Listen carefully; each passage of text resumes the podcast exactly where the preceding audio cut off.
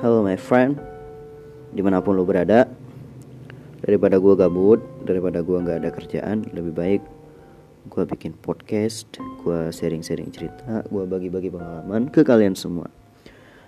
Jadi Kita bikin gue Maksudnya gue bikin episode baru Namanya Ceru.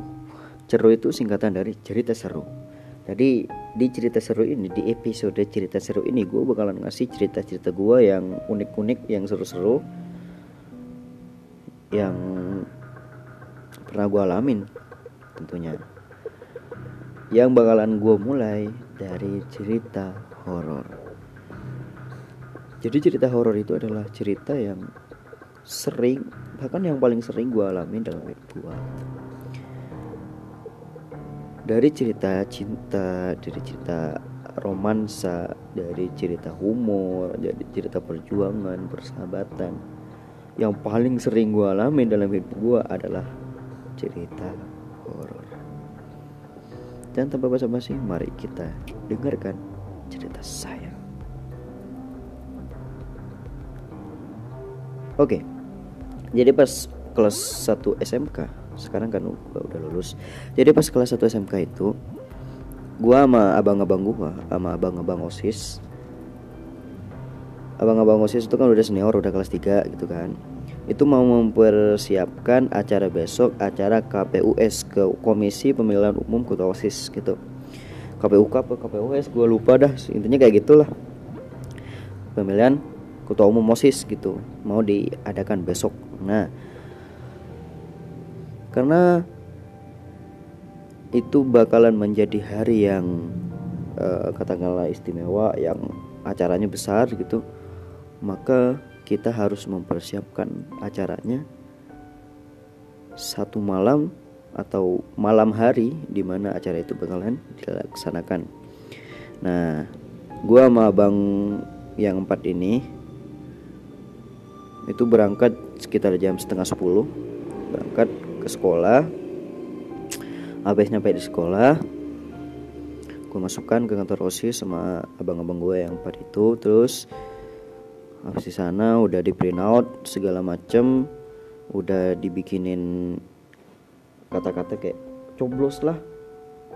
Eh, kandidat atau pasangan paslon yang sesuai dengan hati nurani anda. Terus di sebelahnya ada kertas ada gambar mereka bertiga uh, yang berukuran tiga kali tiga itu lengkap dengan visi dan misinya. Nah terus ketika udah ngeprint itu uh, selanjutnya kita ngeprint apa namanya surat suara nah, jadi udah di print out surat suaranya terus si abang mantan ketua osis ini bang Rizky dia bilang dek uh, lu bisa nggak ke sana ke fotokopian di barat itu tahu kan? Iya gue bilang gitu. Iya lu ke sana lu fotokopi ini. Fotokopi berapa bang? Jangan banyak banyak lah dua puluh ribu. Ya udah dua puluh ribu. Mana uangnya bang? Ini. Terus dia kasih uang gue nyalain motor dan brem gua menuju tempat fotokopi. Sampai di sana bang. Fotokopi bang. Oke fotokopi. Berapa? Kata dia. 20 ribu bang. Banyak amat. Buat apa? Besok bang ada acara biasa di sekolah. Oh ya ya ya ya. Lo jadi osis? Nggak bang. Gue cuman diajak sama kakak gua. Oh ya udah. Tunggu ya. Oke sekitar 5 menitan 5 atau 7 menitan gue tunggu udah selesai kan set? Udah selesai baru gue pulang set. Udah gue pulang. Hmm. nih bang. Bang Rizky nih bang. Gue kasih ke dia. Terus selanjutnya kita ngelipat-lipat kertas yang sekian banyaknya itu ngelipat supaya besok gak terjadi kecurangan. Gimana sih? Intinya ngelipet-lipet lah gitu lah gue nggak tahu lah pokoknya kayak gitu. Nah pas ngelipet itu kita banyak bercerita tentang uh, mantan mantannya bang Rizky terus mantan mantannya bang Rudi terus mantan mantannya bang apa si Ivan terus mantan mantannya bang apa pokoknya segala macam lah diceritain gitu kan dan tanpa sadar jam udah menunjukkan jam setengah dua. Gue nggak tahu sih. Padahal kan apa lipat-lipatnya itu kan cepet gitu kayak kurang lebih 35 menitan ya setengah jam gitu kan. Tapi mungkin gara-gara cerita gitu ya. Sampai kita itu nggak sadar kalau sekarang udah pukul setengah satu. Nah pas udah pukul setengah satu itu Bang Rizky nyalain laptop laptopnya osis nyalain. Mau nonton video nggak? Oke. Bisa tuh bang. Nggak kata teman-teman ya udah dinyalain kan laptopnya seret dan nyalain kita nonton film. Hmm, nonton film. Filmnya itu horor waduh film horor lagi. Film horor itu filmnya ini misteri Pulau Jawa. Nah, tahu nggak kalian misteri Pulau Jawa yang ngebahas gunung apa tuh kalau gunung merapi. Nah ya yang babon itu loh yang apalagi satunya itu yang bikin film dokumenter itu. Nah terus uh, kita nonton video itu sampai episode kedua. Nah sampai episode kedua gua tengok jam ya kan? Jam dinding di osis. Wih bang sekarang udah pukul setengah empat nih gimana? Wah iya ya. Ya udahlah kita pulang yuk. Kita tidur sekarang.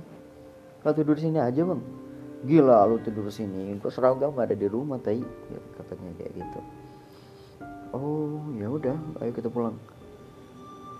Nah, mereka udah pulang udah siap-siap udah mau pulang udah kontaknya diambil segala macam jaketnya udah dipasang set.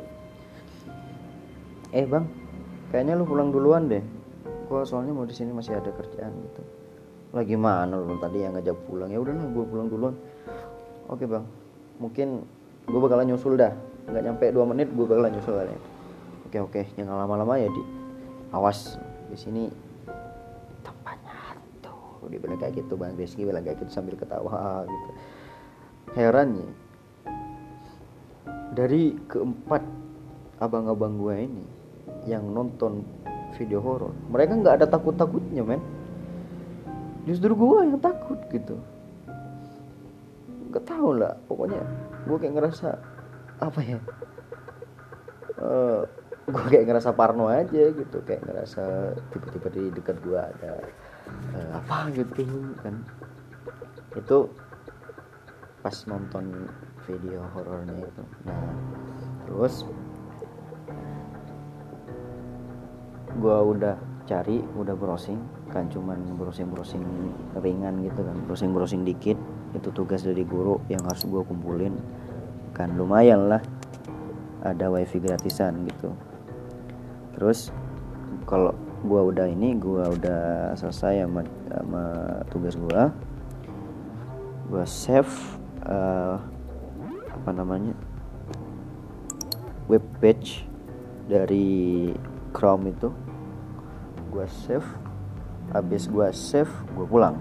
Gue matiin laptopnya kunci kamar osis gue pulang kan nah karena parkiran itu agak jauh tempatnya uh, jadi osis kan osis itu kan ada lantai dua. Nah, terus lantai satu itu kantor. Terus kalau mau pulang mau ngambil sepeda motor kita itu harus jalan di bawahnya pohon mangga.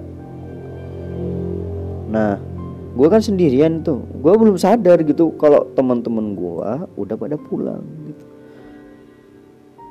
Gue kayak ngerasa cuman 5 detik yang lalu padahal ketika gue lihat ternyata mereka udah pergi duluan dari gue sekitar 5 menit yang lalu. Padahal gue ngomongnya ke mereka sekitar 2 menit gue bakalan nyusul. Sekarang gue berarti telat tiga menit dong. Nah yaudah gue kunci gue turun setelah tek tek tek tek gue turun gue jalan kan di bawahnya pohon mangga. Sambil uh, gue dekepin ini gue dekepin tangan.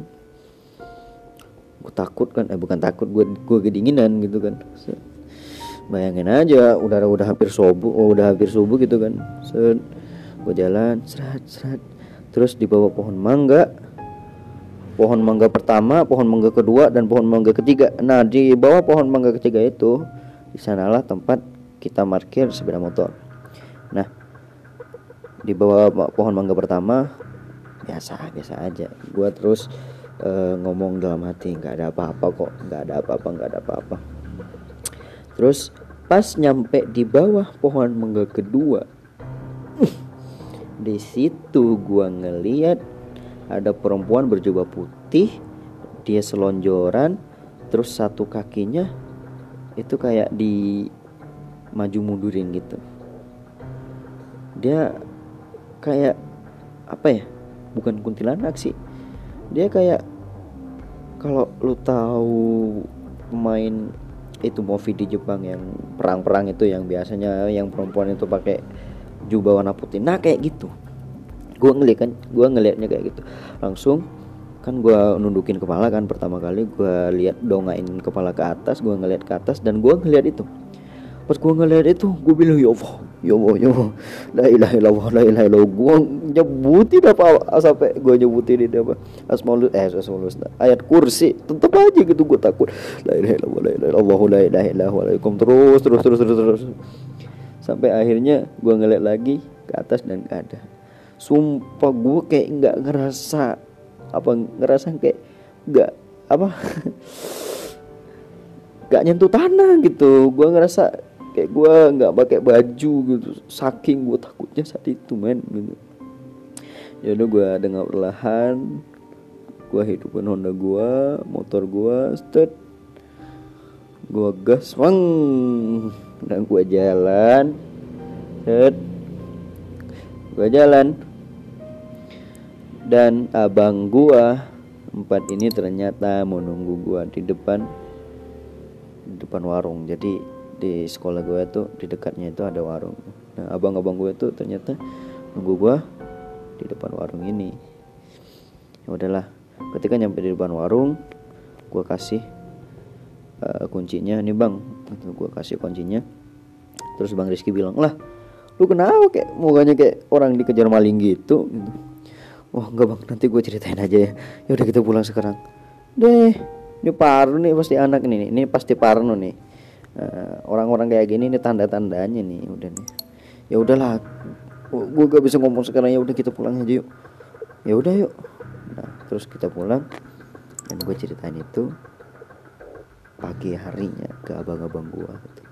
si bang Rizky langsung bilang weh lu jangan bohong ya gue jangan bohong. Gue ber gue berempat lewat di sana nggak ada apa-apa tai. Serius bang gue sumpah gue sumpah nggak bohong bang. Gue bilang gitu pas apa pas acara acara pemilihan udah kelar gue bilang kayak gitu. Lu jangan bohong ya. Um, sumpah gue nggak bohong bang. Kalau gue bohong ya udah. Lu cekik aja nih leher gue aduh sejak saat itu gue nggak berani lagi pergi ke sekolah gue malam-malam. Nah cukup sekian dulu cerita dari gue tungguin uh, kelanjutan kelanjutan cerita gue yang kalau horor sih pasti pasti seru lah. Nah tungguin aja di next episode. Oke okay? kurang lebihnya gue mohon maaf gue undur diri and see you in next time. Bye bye